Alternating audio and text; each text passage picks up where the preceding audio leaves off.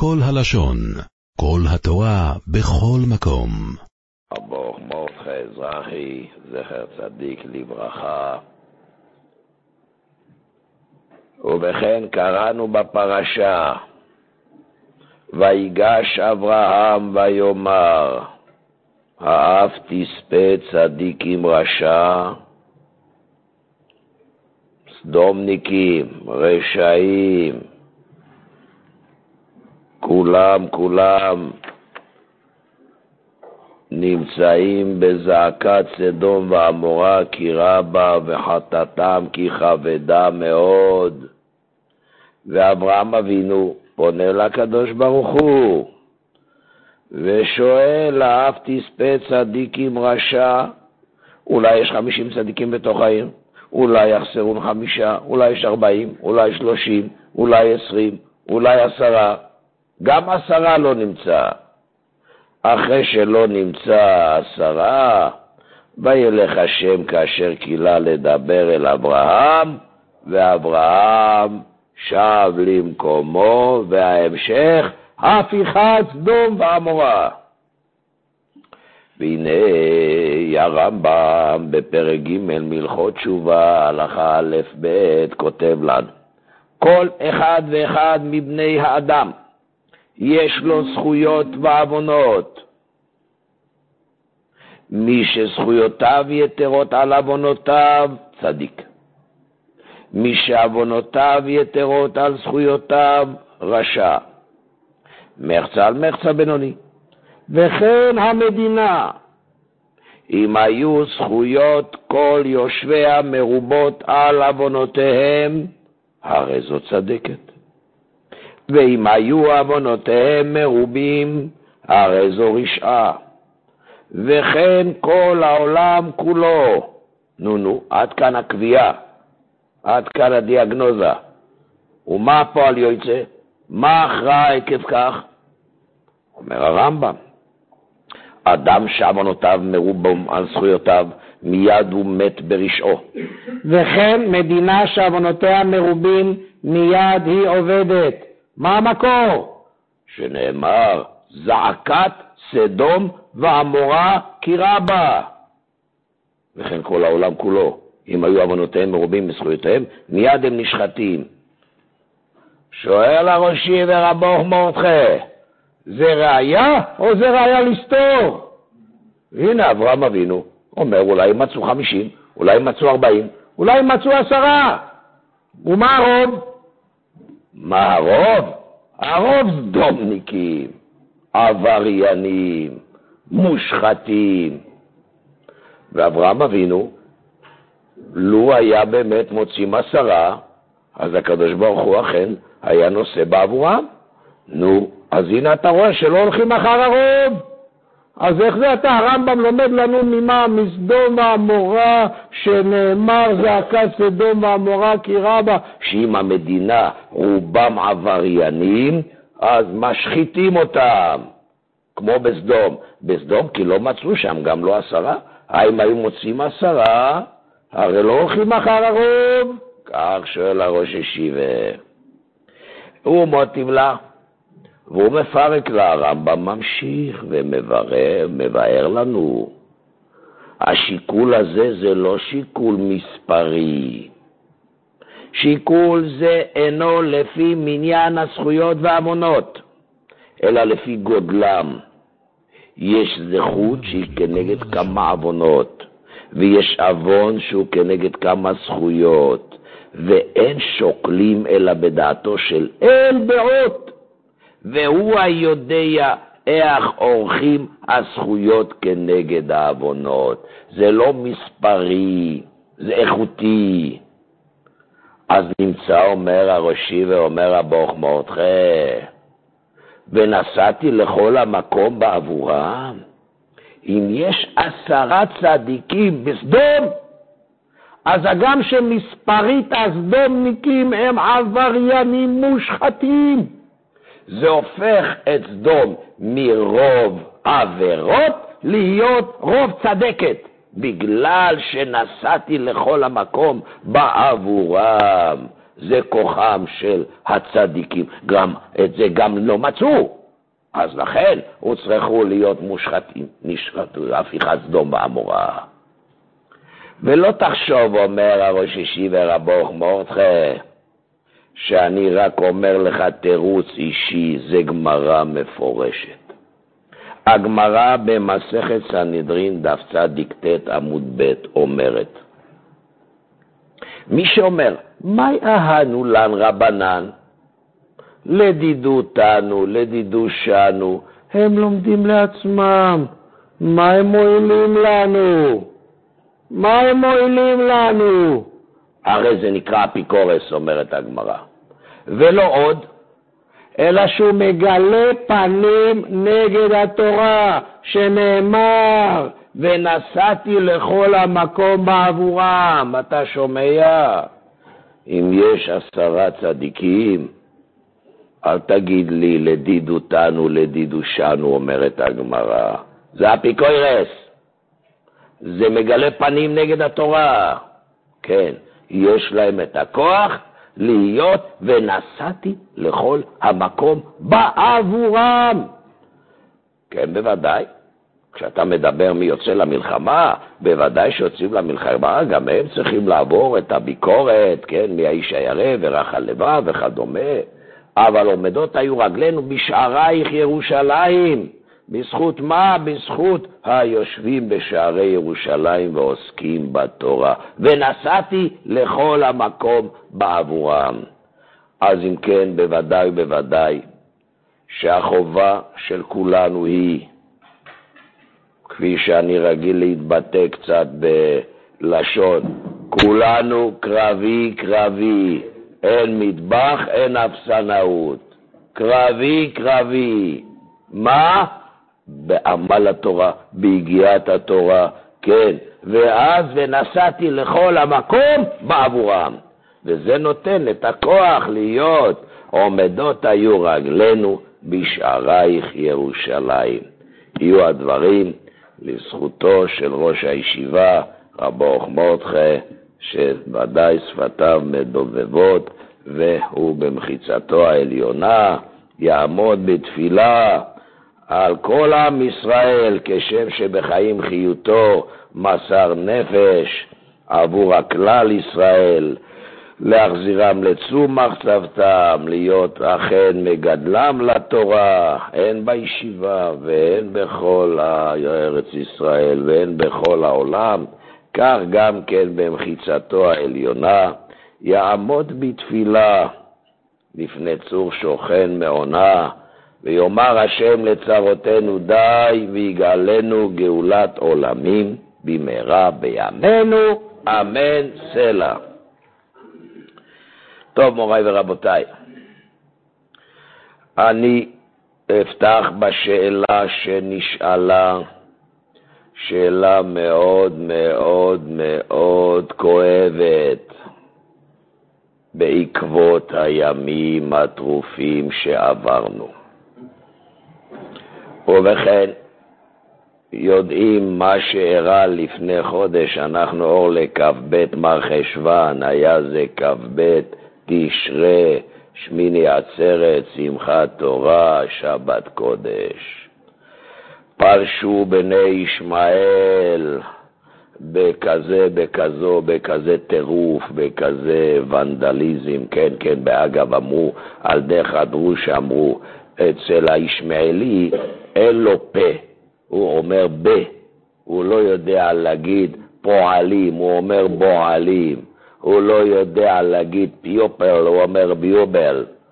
אז פ' זה פנימיות, ב' זה בחוץ, זה בחוץ, זה פנים וזה בחוץ. כן, הישמעאלי נראה כאילו הוא מחבק, כאילו הוא מנשק, אבל הסכין עומד באחורה. זה, זה הישמעאלי, הכל הכל חיצוניות. אבל לענייננו, בטירוף הנורא שעשו, שחטו, הרגו, מה לא, וכן בעוונות הרבים אנסו. והנה היו אח ואחות, אח ואחות, שלדאבון לב נשרו מהפסים, כן, היו פעם בפסים ונשרו מהפסים, את האח הרגו ואת האחות פצעו, ולא עוד אלא בעלו אותה ואנסו אותה. והנה היא נתעברה. ממי? מהפדאיון, מהישמעאלי. שהיא מעוברת. ברוך השם, היא הצליחה להינצל. אבל עכשיו היא באה ואומרת, מה, הבן שלי יהיה עכשיו, מה, אחמד בן שרה, מה הוא יהיה עכשיו יהיה? מה עכשיו הוא יהיה הבן שלי, עכשיו הבן של הישמעאלי? אז היא רוצה לעשות הפלה. ועכשיו נשאלת השאלה ההלכתית, האם כשתבוא לשאול שאלה, האם, והיא באה לשאול שאלה, או ההורים שלה באו לשאול שאלה, האם עכשיו יאפשרו לה לעשות הפלה על פי ההלכה? אם לא תשאל, לא תשאל, אבל אם תשאל, מה ההלכה? אז קודם כל, אנחנו יודעים, גוי הבעל בת ישראל, אבלד ישראלי. כן? נו, אז מה? היכן מצטיב בסדום? אז מה, דוד המלך וכל הגלגולים מצטיב בסדום. ומה קרה עם שכם בן חמור שבא על דינה? אז מה קרה? מה? הסנאט. אז אנחנו יודעים מה... אנחנו לא מסבבים הסיבות, הבורא עולם מסבב הסיבות. אז גוי הבעל בת ישראל, ההלכה, יש דיונים בגמרא, אבל ההלכה, גוי הבעל בת ישראל, הוולד ישראלי. אז עכשיו, אם כן, כשאנחנו דנים על דין הפלה, זה דין הפלה כמו שאתה מדבר על כל יהודי שאתה שואל, מה דיני הפלה? אז קודם כל נפתח את הסוגיה. ההלכה אכן אומרת שההורג ולד בן יום אחד שכלו לו חדשיו חייב מיתה. זה כשהוא ולד שיצא לאוויר העולם. אבל ההורג עובר לא חייב מיתה. בנוח מוזר על הריגת עוברין, חייב גם מיתה. בשבע מצוות בן נוח, גם לבן נוח יש לו תרצח, והוא מוזר על הריגת עוברים, שנאמר, שופך דם האדם באדם, דמו יישפך. איזהו אדם שבאדם זה עובר, ושופך דם האדם באדם, דמו יישפך. בנוח שהורג עוברים, חייב מיתה, חמור יותר מישראל שהורג עובר.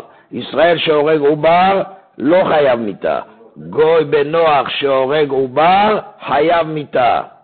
טוב, אז יהודי שהורג עובר לא חייב מיתה, אבל שואל התוספות במסכת סנהדרין, לקא מידי דבבן נוח חייב ובישראל מותר?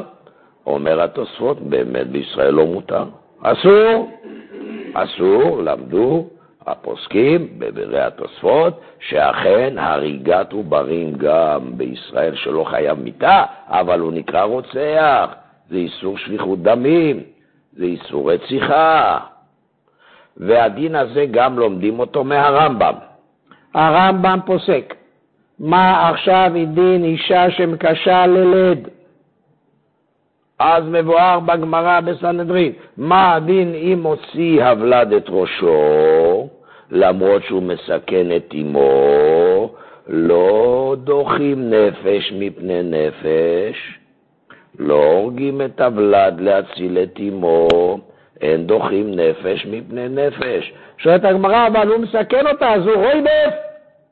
ובהלכות רוידף מצילים את הנרדף בנפשו של הרודף.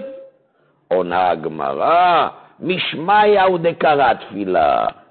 זה טיבו של עולם האישה באה ללדת, אם קשה ללד, משמיא ודקרא תפילה, ממילא לא דין רודף, לכן אין דוחים נפש מפני נפש, אסור להרוג את הוולד שהוציא ראשו על מנת להציל את אמו, אין דוחים נפש מפני נפש.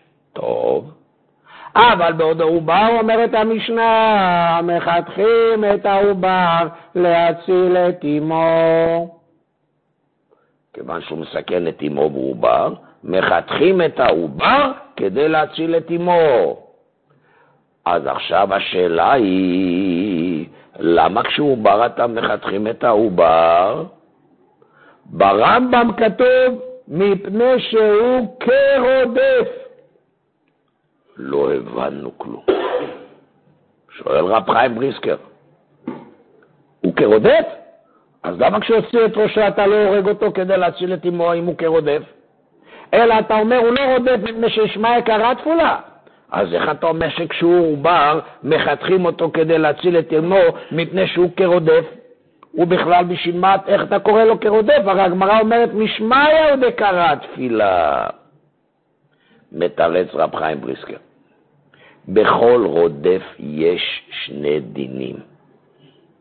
יש דין אחד מצד חיוב הרודף, כשאדם בא ויוזם לרדוף, להרוג, אז יש עליו חיוב רודף, לא תחוס עיניך, קץ אותה כפה, תציל את הנרדף בנפשו של הרודף. אז יש פה גם הצלת הנרדף, ויש פה גם חיוב הרודף. בהתקיימות שני התנאים, אז ורק אז הורגים את הרודף להציל את הנרדף. אז עכשיו, כשהוציא עכשיו העובר את ראשו, הוא כבר ולד. ברגע שהוא כבר ולד, לא מספיק כרודף, צריך להיות רודף גמור. רודף גמור זה רק בהתקיימות שני התנאים. נכון שהוא מסכן את אמו, יש פה הצלת הנרדף, אבל אין פה חיוב רודף. מפני שמשמעיה הוא קרא תפילה, אומרת הגמרא. אז יש פה רק תנאי אחד התקיים, שיש פה הצלת הנרדף. אבל אין פה חיוב רודף, מפני שמשמעיה קרא תפולה. אז עד כמה שהובלד גמור, אין דוחים נפש מפני נפש. אסור להרוג את הוולד, למרות שהוא כרודף, שיש פה הצלת האימא, אבל היות והוא לא בחיוב רודף, אין דוחים נפש מפני נפש. אבל כאשר הוא עובר וההורג הוא לא חייב מיתת בית דין. אמנם יש איסור רציחה, נכון, אבל הוא לא נקרא נפש שלמה, הוא נקרא עדיין מבחינת כל דהו נפש. אז כיוון שהוא כל דהו נפש, שם מספיק כרודף. אם הוא לא היה כרודף, גם אז יש איסור לא תרצח להרוג את העובר. לכן לא התרנו, אומר לנו הרמב"ם, להרוג את העובר רק מפני שהוא כרודף. יש פה הצלת הנרדף. אז כלפי עובר שההורגו לא בחיוב מיתת בית דין, אלא רק באיסור, אז לגבי האיסור, אנחנו אכן דוחים את נפשו של העובר שהוא מסכן את אמו, משום הצלת הנרדפת שזה האימא, ופה מספיק לנו את הכרודף, אז הוא לא רודף גמור, כי אין פה חיוב רודף, משמע יקרה תפולה. לכן שהוציא את ראשו, לא מספיק לנו כרודף. צריך דווקא שני התנאים. אין את שני התנאים, אין הורגים את הבלד. אבל כשעובר, בלי שהוא היה כרודף, יש איסור רציחת עוברים. אסור. אבל ברגע שהוא כרודף, אז ורק אז מצילים את האם בנפשו של העובר. העולה מהאמור, הריגת עוברים למרות שאין בה חיוב מיתת בית דין, אבל יש בה איסור לא תרצח. והנה עכשיו דנו הפוסקים, דיברו אחי עזר ועוד דיברו אחרים, טוב טוב, אז עכשיו מה עכשיו קורה כשהעובר הוא תוך 40 יום, כמו במקרה של השאלה שנשאלה. איפה היא? נמצאת פה, נמצאת, הצליחו להציל אותה, הצליחו.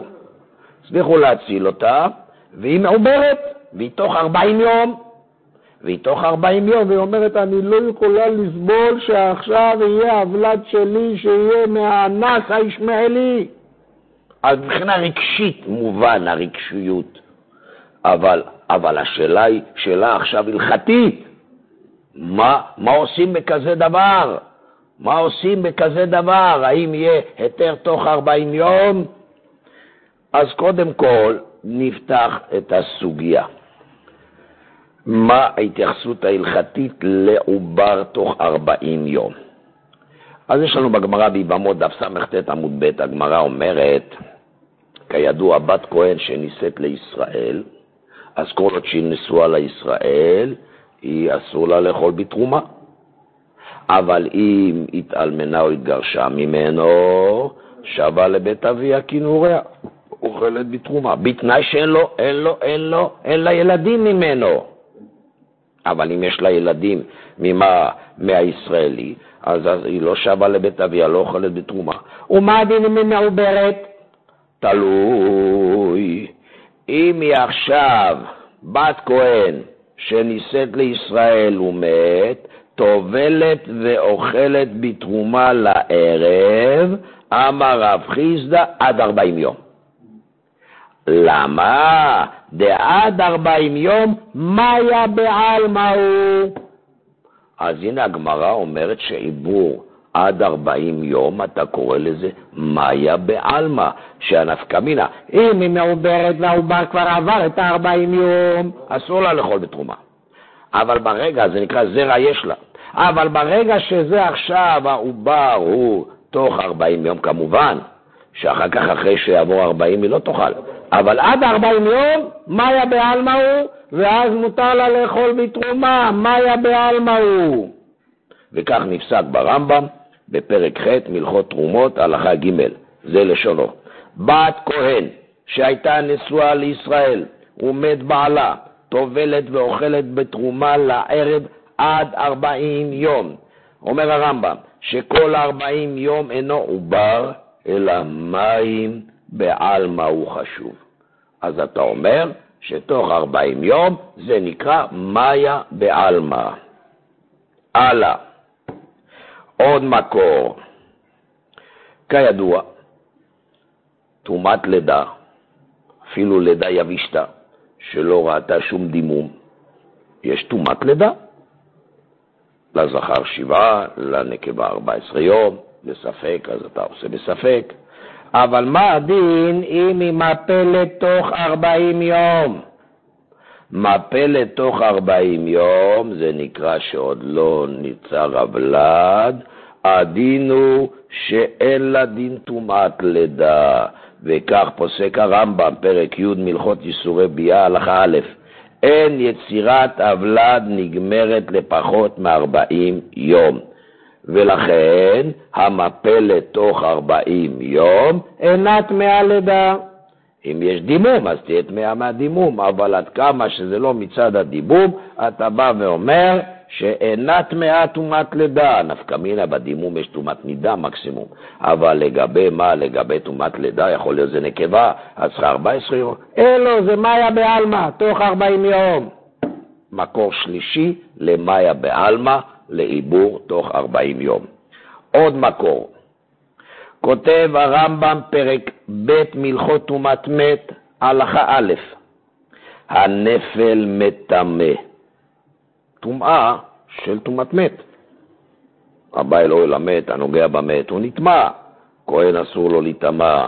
מי שנטמע לא יכול לאכול בקודשים, לא יכול לאכול בתרומה, לא יכול להיכנס למקדש. אז הרמב"ם בהלכות טומאת מת כותב, גם הנפל מטמא ואפילו לא נתקשרו איבריו.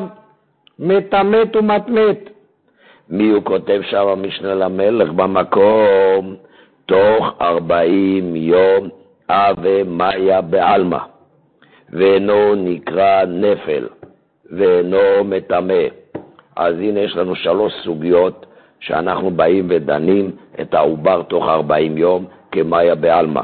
בין לגבי בת כהן שהיא אוכלת בתרומה למרות שהייתה נשואה ומעוברת ממה, מהישראל כל שזה תוך ארבעים יום מאיה בעלמא, גמרא ביבמות סט עמוד ב' ורמב"ם, וכן לגבי נושא של מה של דין טומאת לידה תוך ארבעים יום אינה טמאה טומאת לידה כי זה מאיה בעלמא, וכן לגבי טומאת מת, נפל שהוא תוך ארבעים יום, לא מטמא.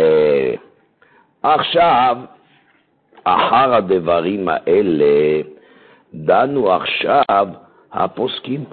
אז מה עכשיו אם כן יהיה הדין לגבי מצבים, האמא חולה באיזה חולי מסוים, שעכשיו העובר יש לו, יש כל תזקס, יש כל מיני מחלות שעכשיו האבלת שייוולד, ייוולד בצורה שיהיה סבל רב להורים לגדל אותו. לפי הבדיקות יודעים שיש לו מחלה קשה. הוא יחיה, הוא יחיה. אבל יהיה צער גדול להורים לגדל אותו. מותר להם לעשות הפלה תוך 40 יום, דנו בזה הפוסקים. בספר בית שלמה, חושן משפט, אולי לפני כן, חושן משפט סימן רי, לגבי המזכה לעובר. חושן משפט. המזכה לעובר, הרי זה מקנה לדבר שלא בא לעולם. לא קנה. גם כשייוולד, לא קנה. אבל מה הדין העובר הזה? הוא לא עובר של השכן, אלא שלו בעצמו. האבא רוצה לזכות לבן שלו שהוא עכשיו עובר. אז כתוב, כיוון שיש סמיכות דעת גדולה לאבא להקנות לבן שלו, אז הוא יכול לזכות לעובר שהוא בן שלו, וגם שהוא עכשיו רק עובר, והגם שהוא דבר שלא בא לעולם, אבל כבר אמרנו שנושא של להקנות דבר שלא בא לעולם, למה לא חל הקניין? מפני שלא סמכה דייטה.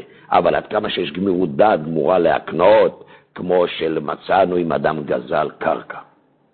גזל קרקע, מכר אותה הגזלן לקונה, והקונה עכשיו, אחרי שקנה את הקרקע, אז אכל הקניין? לא, זה לא שלך, איך אתה מוכר? אבל אבל הלך הגזלן לאחר זמן וקנה את הקרקע מהנגזל הבעלים. קנה. האם זה לטובתו או לטובתו של הקונה? אומרת הגמרא לטובתו של הקונה. כי איך ידליקו באמנותי עמדינן דעתי, שכל מה שהוא עשה את זה, זה כדי שיחול הקניין לטובת הקונה. אבל, אבל, לשאלת השאלה, הרי כאן השדה זה הולך שככנה תהיה קנויה לך, זה דבר שלא בא לעולם. דבר שלא בא לעולם אדם לא יכול להקנות. פה שניחה, כיוון שיש לו סמיכות דעת גדולה לרצות להקנות אותה למי שקנה ממנו, כדי שלא יקרא לגזלנה, כיחידי לקובאמנותא, להראות שאני אכן אאשש את הקנייה הזאת, ואני כשקונה אותה מהבעלים הנגזל, זה גם אם לא אמרתי, זה לטובתו של הקונה. טוב, אז אם כן, אנחנו רואים שגם אם אדם לא מקנה דבר שלו בעולם, אבל עד כמה שיש לו דעת להקנות בגמור דעת גמורה, מועיל. אז אם כן, נפסק להלכה ברוחו של משפט סימן ר"י, המקנה לעובר לא חל, זה מקנה דבר שלו בעולם. אבל אם זה עובר שלו, אז אכן חל הקניין, כי יש לו גמיר דעת חזקה להקנות. ומה הדין עם העובר הזה? הוא עכשיו תוך 40 יום. האם גם אז מועיל לזכות, ואתה אומר לכשיגדל, כן. אבל לכשיגדל ולכשייוולד, אבל זה לא שלו לעולם, ועכשיו הוא מאיה בעלמא. נחלקו הראשונים. שיטת הנמקי יוסף והריטב"א, וכך פוסק השח שם בסימן ר"י קטן ב', שאם הוא מאיה בעלמא לא מועיל. ואילו לעומת זאת שיטת בעל האיתור והמאירי, וכך פוסק מרן הבית יוסף, שמועיל. היו מאיה בעלמא. אני לא בא לקנות לו עכשיו בתור מאיה בעלמא. אני עכשיו רוצה שגם המאיה בעלמא, דע מאין באת. מטיפה סירוחה אמר להוא מינה לגביע בבסיסה. אמריתו, אמריתו, דמת חי? אתם מאמינים שיהיה תחיית המתים? שהמתים בסוף יחיו? או מה אני רואה החיים? סופם למוות. אז אלה שמה, שכבר מתו, על אחת כמה וכמה שלא יחיו. כך אמר אמינא אפיקוירס לגביע בן בסיסה. השיב לו בגמרא בסנהדרין. השיב לו גביע בן בסיסה, אני עושה קל וחומר הפוך. ומה דלא הבו, הבו. אלה שהתחילו דע מאין באת, דלא הבו, בסוף מתהווים. אלה שכבר היו ורק שלב ביניים מתו, אין עוד דין שמה שיחזרו לחיות. אמר המוישה שפירא עליו השולם, מה שורש המחלוקת בין המינים האפיקורסים לבין המבט היהודי? המינים האפיקורסים מתחילים עם הכפירה העולמית, העולם מתחיל מהיש. אז אם היש נהפך להיות עין, קל וחומר שזה כבר שנעשה עין, לא יהיה יש. זה הכויפרים, המינים. אבל אצלנו דע מאין באת. אנחנו מתחילים כולנו מהעין. ואם מהעין נעשה יש, אז קל וחומר שאחרי שהוא היה יש, שרק בשלב ביניים הוא סוף אדם למיתה, יקומו כולם לתחיית המתים. אז על כל פנים, כן, מאיה בעלמא, אבל הסוף המאיה בעלמא הזה, כולנו היינו מאיה בעלמא. אבל מהמאיה בעלמא הזה, סופו סופו שהוא מתגדל ומתגדל. אז לגבי קנייני ממונות, דעת בעל האיתור והמאירי ומרן הבית יוסף, שהמקנה לעובר שהוא עובר שלו, הגם שעכשיו הוא אכן פחות, הוא תוך 40 יום, כל שהוא מקנה לו לאחר, אז יש לו גמירות דעת. כן, יש לו גמירות דעת, שזה הקטן, גדול יהיה, והקניין חל. טוב, זה ללכות ממונות להקנאות. אנחנו חוזרים, אבל עכשיו מהו? מה היה בעלמא? ההפלה עכשיו, מה הדין? אמרת לי, שופך דם האדם באדם, דמו יישפט בנוח חייב על הריגת עוברים. מה הדין בנוח שהורג תוך 40 יום? אם תגיד שהוא חייב מיתה, אז לקמידי שבבן נוח חייב מיתה ובישראל יהיה מותר, יעשו מדאורייתא. או אולי לא, תגיד, היות בעכשווי עכשיו הוא מאיה בעלמא, אז הוא לא, לא, אולי לא חייב מיתה, וכיוון שלא יהיה חייב מיתה בבן נוח, אז גם בישראל אולי לא יהיה בזה לא תרצח. זה הדיון שדנו פה הפוסקים. דיברו בזה בבית שלמה, האחייעזר, הגאון מלבנים תורת חסר, ועוד. זה השיטה שרצתה לבוא ולהגיד שאכן ההורג עובר תוך 40 יום, לא יהיה חייב בבן נוח מיתה, וגם בישראל לא, אולי לא יהיה איסור דאורייתא, ואז לפי זה, לפי אותה שיטה, אז היא כן אצל לפי זה שאכן במצבים מיוחדים של סבל נורא, אולי אנחנו נתיר, זה השיטה האחת. לעומת זאת, רב משה פיינשטיין, רב אליושיב, הרב אונטרמן כתב על זה גם כן מאמר גדול. יש לנו ברמב"ן, רמב"ן שנמצא במסכת יומא, מביא הר"ן בשם הרמב"ן, בשם בעל הלכות גדולות.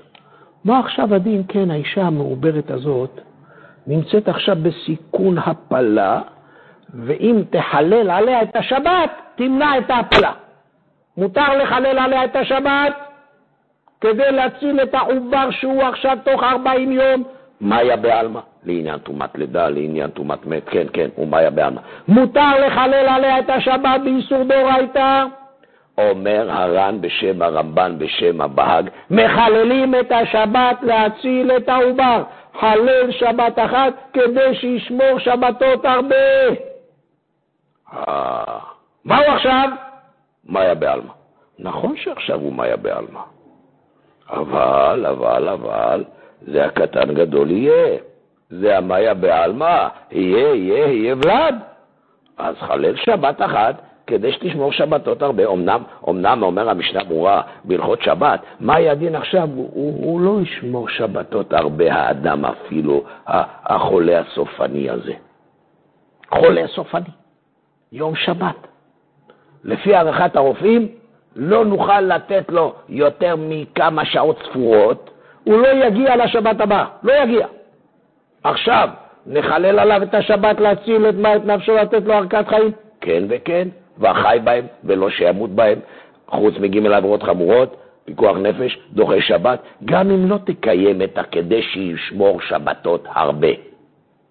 אבל על כל פנים, אמרו רבותינו את העניין הזה, חלל שבת אחת כדי שתשמור שבתות הרבה. אז אם כן אומר הרמב"ן, אומר הר"ן, אומר הבהג, שאכן גם אישה מעוברת תוך ארבעים יום יחללו עליה את השבת להציל את העובר, לא היא מסוכנת. העובר מסוכן, וכדי להציל את העובר צריכים לעשות טיפול שכרוך בחילול שבת דאורייתא. יחללו, כדי שתשמור שבתת הרבה. אומר מכוח זה הרב אונטרמן, אומר מכוח זה רב משה פיינשטיין, אומרים מכוח זה עוד פוסקי דורנו, שאם ככה, נכון שום היה בעלמא, אבל עצם העובדה שאתה עכשיו עושה לו עד כדי להציל את החיים, אז אתה דואג על הפוטנציאל העתידי שלו. יש לנו אפילו חיוב השבת אבדה, בממון. לא יהיה לנו חובה לבוא ומה, ו, ולמנוע את כריתת חייו של אותו אחד? אז ממילא אותם פוסקים אכן אוסרים לעשות הפלה לעובר שגם תוך 40 יום אומר, המוישה זה רוצח. מוישה פיינשטיין, זה רוצח, אין היתר. כמובן, כשאתה מדבר להציל את אמו, אז הוא כרודף, בזה התארנו. אבל עד כמה שהוא לא כרודף, כל החשבונות הרגשיים הם לא סיבה לדחות לעשות מלאכות במה? בשבת, ולא סיבה לבוא ולעשות דברים שהם רק נושאים רגשיים. מה השאלה? זה משנה אם ההפעלה היא בידיים או על ידי סם. כן, תכף נדבר גם על זה. אז מכאן בינתיים אנחנו מדברים שהפלה, הדין הוא שגם היא אסורה לפי אותן שיטות. אני לא תוקע את עצמי להכריע בעניין, אבל לכל הפחות בתור סוגיה חמורה הבאתי אותה לציבור, כי זה נושא שעלה עלה אצל הגדולים, יכריעו מי שיכריע בעניין, כן? יש כאלה שאוסרים ויש כאלה מתירים, ואכן אמרתם נכון, רב מוישה, בנושא של מה הדין בסם, הפלה בסם. זה דאורייתא או דרבנן, אפילו אם אתה מדבר על מי, על עובר אחרי 40 יום. אז יש על זה תשובה, מרן הרב יוסף רצה לומר שזה רק גרם הפלה, אז אולי זה רק דרבנן. רב שלמה זלמן סבר לו, לא כל גרמה הופך דרבנן, גרם נזיקין, פטור. גרמה בנזיקין, נו, דין מומנס אנחנו לומדים, נכון? אז גרמה בנזיקין, הפורס גדר בפני בהמת חברו, הפורסה גרמה, מסלק קרים וקסתות לסוברים גרמה. מה הדין? פטור, אבל אסור. איזה איסור? איסור דאורייתא, אסור להזיק. נכון שפטור מתשלומים, אבל מותר להזיק בגרמה? אומר רב שלמה זלמן, אגב זה גרמה, אסור מדאורייתא. אז אין אומר רב שלמה זלמן, מי שסובר שהפלט הוא, פלט נגיד אחרי 40 יום, כשאתה מדבר שיש לו תרצח בהפלת עוברים, אז מילא גם אם תעשה את זה על ידי סם ותקרא לזה גרמה, אבל עדיין זה לא ייקרא דרבנן. איפה מצאנו דרבנן? בשבת. כי הגמרא אומרת, לא תעשה כל מלאכה, עשייה אסור גרמה שרי. שם אתה אומר, פטור אבל אסור מדי רבנן. אבל בשאר איסורי תורה, אומר רב שלמה זלמן, זה לא אמרנו שבזה שזה גרמה יהפך להיות שזה מה? גרם רציחה. אחד עכשיו עושה גרם רציחה. מה הוא עושה? הוא למד גמרא סנהדרין, נניח, ביתקא דמיא, בכוח ראשון זה כוחו, בכוח שני זה גרמה. אז עכשיו, הבן אדם הזה, הוא כבר יש לו חשבונות איתו, הוא רוצה לחסל אותו. מה עשה? אבל הוא לא רוצה שיהיה לו מיתת בית דין. הוא נמצא בזמן הסנהדרין, ועכשיו באים שני עדים ואומרים לו, אם אתה פורץ את הסכר, עכשיו יבוא המים ויהרגו את הבן אדם. הוא אומר, הדעתא דאחי. כן, העבריין הזה אומר, על דעתא דאחי הוא עושה את זה. אנחנו מתרים בך. יתרו. אם זה בכוח ראשון, זה כוחו, אז הוא יהיה חייב מיתת בית דין. אבל אם זה לא בזרם הראשון, רק בכוח שני, זה גרמה. הוא יהיה חייב מיתת בית דין? לא. בשמיים? ג'הנה ג'הנם יהיה לו. הוא בוודאי עובר על איסור דאורייתא של לא תרצח בגרמה. כי זה כוח שני, זה גרמה. זה גרמה, אבל הגרמה עוד לא אומר לך שמה, שמכוח זה זה יהיה מותר. אז ממילא השאלה היא לא פשוטה, גם אם לוקחים סם. אז אם כן, לכל העניין הזה... אמרנו, אמרנו, אז כבר, עברנו כבר, אנחנו אחרי רב מוישה, אני לא חוזר. אז אם כן, אמרנו שאנחנו פה נמצאים בסוגיה סבוכה עד מאוד. ברוך השם שלא באו אליך רב מוישה לפסוק על זה, גם אליי לא. אבל על כל פנים, בתור ללמוד את העניין, אנחנו לומדים. לומדים את העניין שאכן הנושא הוא רגשי מאוד מאוד כבד, אבל עדיין זה עוד לא אומר שיהיה מותר לעשות את זה. כן. לא שומע. לא ברצון. לא ברצון, על זה מדברים, נו. על מה היה הסיפור אם לא אמרנו? לא ברצון, אונס. אבל מה זה משנה? הוולד הוא יהיה יהודי. כיוון שהוולד יהיה יהודי, אז זה תלוי ברצון, תלוי במציאות. אז כיוון שהוא יהודי, אתה נקרא שאתה עכשיו הורג עובר יהודי. אז זה פה הסוגיה.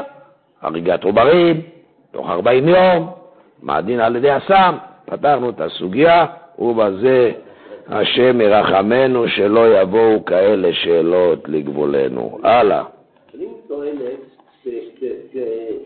שהיא עלולה להתאבד עם זה, אז אין לו דין רודף. דיברנו כבר על השאלה, על זה שהיא תאמר, אומר רב אליושיב, אנחנו לא מתייחסים לאיומים. כבר דיברנו בעבר על הנושאים האלה. לענייננו, יש כאן, אם אתם שואלים אותי, יש רבנים שמתירים? כן. ויש רבנים שאוסרים? כן. אז עכשיו, באמת זו שאלה. זו באמת שאלה גדולה מאוד, ובדברים האלה, אכן, כיוון שיש רבנים שמתירים, אז יכול להיות שאבא שלה ילך, ילך לאותם רבנים שמתירים כדי שיתירו לו, כן, אבל לכן אני בא ואומר, אני לא תוקע את עצמי בין הרים גדולים, יש כאן זו שאלה של הרים גדולים. לא, לא, מדברים פה על רב שהוא רב מפורסם וחשוב וכולי. שאלה הבאה, שדרות. מה היה בשדרות? פונו. לאן פונו? למלונות. טוב, אז עכשיו משפחה ששכרה דירה בשדרות, לאור מצב החירום ועל פי הוראת המושל פונו. עכשיו, צריכים לשלם דמי שכירות הדירה? מכת מדינה. אז מה הדין במכת מדינה בשכירות בתים? נפסק להלכה, סימן שי"ב, סעיף י"ז, גם אם תרצה להגיד שאם יש אונס בשכירות, אבל זו שאלה האם אומרים שכירות ליום המ"ם קראו, או לא אומרים שכירות ליום המ"ם קראו, מחלוקת הרשב"א, הרב רוטנבורג, מה הדין אם מת הסוחר? אז הרמה פסק, אם לא נתן לו ייתן, ואם נתן לו ייטול, אבל במכת מדינה, גם הרמה מודה שאם יש מכת מדינה, הדין הוא גם אם נתן, יחזיר. טוב, אבל, אבל, שאלה אחת, החפצים נשארו בדירה? נשארו בדירה. אז יגיד בעל הדירה, רגע, הדירה עכשיו אתה משתמש בדירה? משתמש, אחסון. אז לא תשלם לי דמי שכירות מגורים, לכל הפחות תשלם לי דמי שכירות של אחסון, חפצים. אתה רוצה, תוציא את החפצים מהדירה, אוקיי? אתה אומר לי מכת מדינה. אבל ברגע שהחפצים נמצאים בדירה, אתה משתמש בדירה שלי, תשלם אחר לפי תעריף של מה? של דירה לאחסון חפצים. זה בוודאי. למה לא חסר? מה זה לא חסר? זה אני יכול עכשיו להזכיר לחפצים? לחפצים! יכול! לחפצים! אז אם כן זה נהנה וזה חסר, יש לשלם דמי שכירות לאחסון חפצים. רגע, אומר לו המזכיר, אני לא מסתפק בזה. אני לא מסתפק בזה. איפה קיבלת עכשיו עם המשפחה שלך מלון? איפה? בירושלים. אוקיי. מכוח מה קיבלת? אם היית הומלס, היית מקבל? לא. אז מכוח מה אתה מקבל את, ה, את השיכון במלון? מכוח הדירה שהזכרתי לך. אז אגיד מה טוען המזכיר, אחר כך נשמע מה העורך דין טוען. מה טוען המזכיר עכשיו, אנחנו שואלים. טוען המזכיר, רגע, היות ורק מכוח זה שאתה שכרת ממני דירה, ואתה כתוב בחוזה שאתה מראה לרשויות, הנה אני משלם דמי שכירות, אני שכרתי דירה, אז יש לי דירה, אני לא הומלס. אז כיוון שאני שכרתי דירה, ועכשיו פוניתי לפי הוראת המושל, ולפי המציאות של החירום, ואנחנו פונינו לירושלים למלון, אוקיי? אבל זה מכוח הדירת השכירות. טוען המזכיר, אם כן, היות ואתה מקבל מכוח ההשכרה שהזכרתי לך, אז תשלם את כל השכירות, כי אתה עכשיו נהנה מהמלון, כמו שאתה גר במה בדירה ואולי יותר, אתה אולי מקבל אוכל, אני יודע אם מקבלים או לא, אבל לא אוכל, לכל הפחות מדור. כך טוען המזכיר. עכשיו תגידו מה אתם אומרים, מחילה. ברוך אתה אדוני אלוהינו מלך העולם שהכל נהיה בדברו. מכוח זה מכוח המגורים שלו.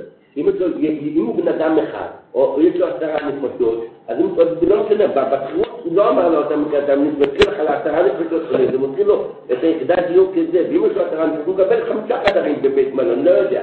כן. אבל- לכן, לכן זה מכוח הזכות שלו האישית, ולא מכוח הזכות של הדירה.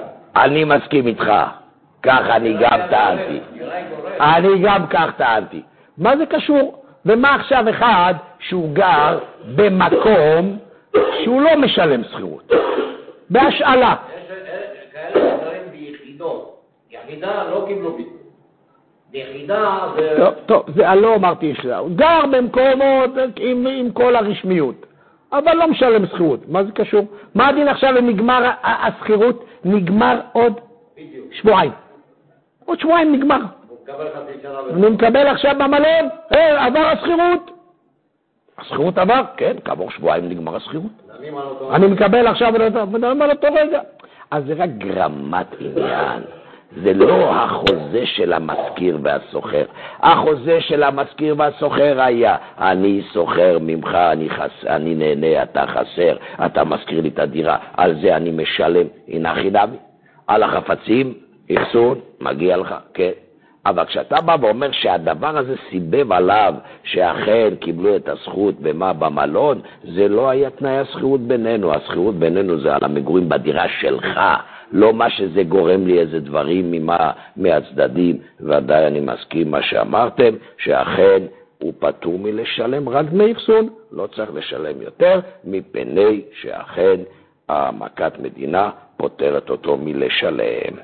טוב, שאלה הבאה. שאלה מהיום. טבח באולם שמחות מבקש לשאול. אחר כל אירוע מנהל מטעם האולם מבקש מבעלי השמחה שייתנו טיפ עבור הטבח ועבור עובדי המטבח ועבור המלצרים. יש טיפ? יש טיפ. למעשה, כפי הנהוג בהרבה מאולמות השמחות, שהמלצרים שבדרך כלל הם עובדים זרים כיוצא בזה, אינם מקבלים את הטיפ, אלא הם מקבלים מהסועדים המרוצים בעת עבודתם, כך שהטיפ מתחלק תמיד בין עובדי המטבח. לאחרונה, בעל האולם נוטל מהסכום של הטיפ 25 אחוז. מוכר? אבל מוכר? או, אז אתם לא בעניינים. הלאה. לאחרונה, בעל האולם נוטל מהסכום של הטיפ 25 אחוז. ואת השאר הוא מחלק בין עובדי המטבח, את ה-75%. קודם כל, הוא עושה, כן? הוא עושה קודם כל את מה, את, את מה שהוא לוקח לעצמו. העובדים מחו על כך. אך בעל האולם לא שט ליבו לכך, הוא ממשיך לנכס לעצמו 25% מהסכום שמתקבל מבעלי השמחה עבור הטיפ. יש לציין, כי בעל האולם מקבל מבעלי השמחה טבין ותקילין על כל מנה ומנה, וזה השכר שלו. מה עוד שבבקשת הטיפ מבעלי השמחה מדגישים בפורש שזה עבור העובדים. באו מכריזים, נו רבותיי בעלי השמחה, איך היה? איך היה? היה טוב? נהנית? היה מצוין? איך היה האירוע? טוב מאוד. נו, העובדים, לא מגיע להם? המלצרים, איך שהם שירתו אותך, איך עשו, איך זה, ואתה משלם את הטיפ, ובעל האולם לוקח 25% מעצמו, איי איי איי איי. כך שבעל האולם כלל אינו, שואל עכשיו הטבח, ואם יש מקום לתביעה. מתי הוא שואל? שאלתי את השואל, הרמתי לו טלפון. מתי? עוד תעזור. מתי שאלת? שאלתי את השואל, מתי? אם עכשיו היית בא ואומר לו כבר בראשית העניין, אדוני בעל האולם, אני מוחה על זה שאתה לוקח 25%, ואם אתה לוקח אני עוזב. מה יאמר לך בעל העולם? עוד ביי, תעזוב, אני כבר, יש לי פה בשרשרת, עומדים במקומך עוד עשרות במקומך שהם יחליפו את העבודה שלך, והלאה, אני לוקח 25%. מתי הוא נזכר לי ל- ל- ל- לשאול? אחרי מה? אחרי אחרי שעברו שנתיים במקרה הנוכחי. שנתיים עברו, ועכשיו הוא רוצה רטרואקטיבית לתבוע. רבי ישי, יש הלכות. אתה היית אנוס? כן. למה לא עזבת? כי אתה רוצה פרנסה. ככה, יהיה לך עוד שכר עבודה. ברגע שעכשיו תבוא ותמחה בו, שלא ייקח את ה-25%, הוא יפטר אותך. אז מה קוראים לזה? יש טליה ויעיב, ויש טליה וזבין. טליה ויעיב, אבינו שזה, אני אתן לך מתנות, מתנות באונס, בטל, לא צריכים למסור מודעה. אבל טליה וזבין, או כל פשרה נקראת כמו טליה וזבין. אז זה, היה כדאי לך לא לעזוב כדי שיהיה לך, אתה ידעת שהוא יוכל למצוא העובד חלופי במקומך. היה כדאי לך להסתפק במשכורת שאתה מקבל במשך השנתיים, ולא מה, ולא לבוא ולהעמיד את הבעל הבית על מקומו, כי הוא היה מעמיד אותך. היה מפטר אותך. אז זה נקרא תלויה בזבין, אגב אונסה וזוזה גמר ומקנה. אלא אם כן היה מוסר מודעה. או, אם לפני שנתיים כשהתחיל העניין, היית בא ומעמיד עדים, אתם עדיי רבותיי, אני לא בוחל, אני מביע מחאה שכל מה שבעל הבית לוקח הוא מפריש 25% זה שלי. ובאמת זה, זה שלו, אבל הוא בא, בא עשה איתו. הוא עושה את הקומבינה הזאת, שהוא בא ואומר, אני לוקח, כן, את הדבר הזה, זה בשבילי, אני מגלם את זה, הכל זה בשכר העבודה שמגיע לי. כן, אז זה לא נכון, ודאי זה לא נכון, אבל אם היית מוסר מודעה, אבל אם לא מסרת מודעה, אז זה תלויה וזהבין. אחד שבא ואונס את המוכר, תמכר את הדירה שלך. לא רוצה. תמכור את הדירה. איזה מחיר? כן, תמכור לי את הדירה. אני משלם לך מחיר השוק, כן, לא, לא מוריד במחיר. מחיר השוק, אבל לא רוצה למכור. אם אתה לא מוכר לי את הדירה, אני מדווח עליך למס הכנסה. אני אנוס? אנוס? מדווח לי מס הכנסה, אני, מפחד, אני מפחד, או כל מיני אונסים אחרים, תליוע, תולה אותו, נו, יש יותר מזה? אז אני אנוס. כן, אני אנוס. אבל בסוף מכרתי וקיבלתי כסף, אגב אונסה וזוזה גמר ומקנה, אלא אם כן מסר מודעה. אז אם אתה מוסר מודעה, אז אכן, אז, אז אכן אתה יכול אחר כך לבוא ולבטל את העסקה. אבל ברגע שלא מסרת מודעה מראש, אגב אונסה וזוזה גמר ומקנה, גם פה, אכן, אם היית מוסר מודעה, החרשנו, אבל הוא לא מסר מודעה, שנתיים עבדת סבור וכבל לאור האילוץ, נכון, לאור האילוץ, אף אחד לא אומר, אבל היה כדאי לך להרוויח מה שאתה מרוויח, במקום שיפטר אותך על המקום, היה כדאי לך להרוויח מה שאתה מרוויח, למרות שהבנת שאתה מגיע לך להרוויח יותר, אבל אגב אונסה וזוזה גמר ומקנה. ואם הוא מוסר הודעה רק השנתיים בא ואמר, אני פיתחתי מודעה לעדים כן. לא. לא צריך שהוא ידע, מיד. לא יעזור, כמו בכל תליוה וזבין, אני מוסר מודעה, הוא לא יודע, בטח. לא אומרים אנן סהדי, כיוון שיש אנן סהדי הפוך. אגב, אונסיה וזוזי גמר ומקנה, זה לא אנן סהדי. איפה יש אנן סהדי? בתליוה ויהיב. שם יש אנן סהדי. תליוה וזבין לא. מה זה business? business זה business. תן וקח, קח ותן. אסיים במה שמור אבי עליו השלום היה אומר. בעולם אומרים לעולם קח. אנחנו אומרים לעולם תן. זה החינוך. להיות אברהם, איש החסד, לעולם תן. ברוך אדוני לעולם, אמן ואמן. רבי חנניה בן הקשה אומר, זה הקדוש ברוך הוא לזכות ישראל, תראה בלם תורה מצוות שנאמר, אדוני חפץ למען צדקו, תגדיל תורה וידיר. אני מבקש שכולם ירדמו בלילה, לא יחשבו על השאלה הראשונה מדי. רבי חנניה בן הקשה אומר, אתה הקדוש ברוך הוא לזכות ישראל, תראה בלם תורה ומצוות שנאמר, אדוני חפץ למען צדקו, יגדיל תורה וידיר. עולם שלם של תוכן מחכה לך בכל הלשון, 03 617 1111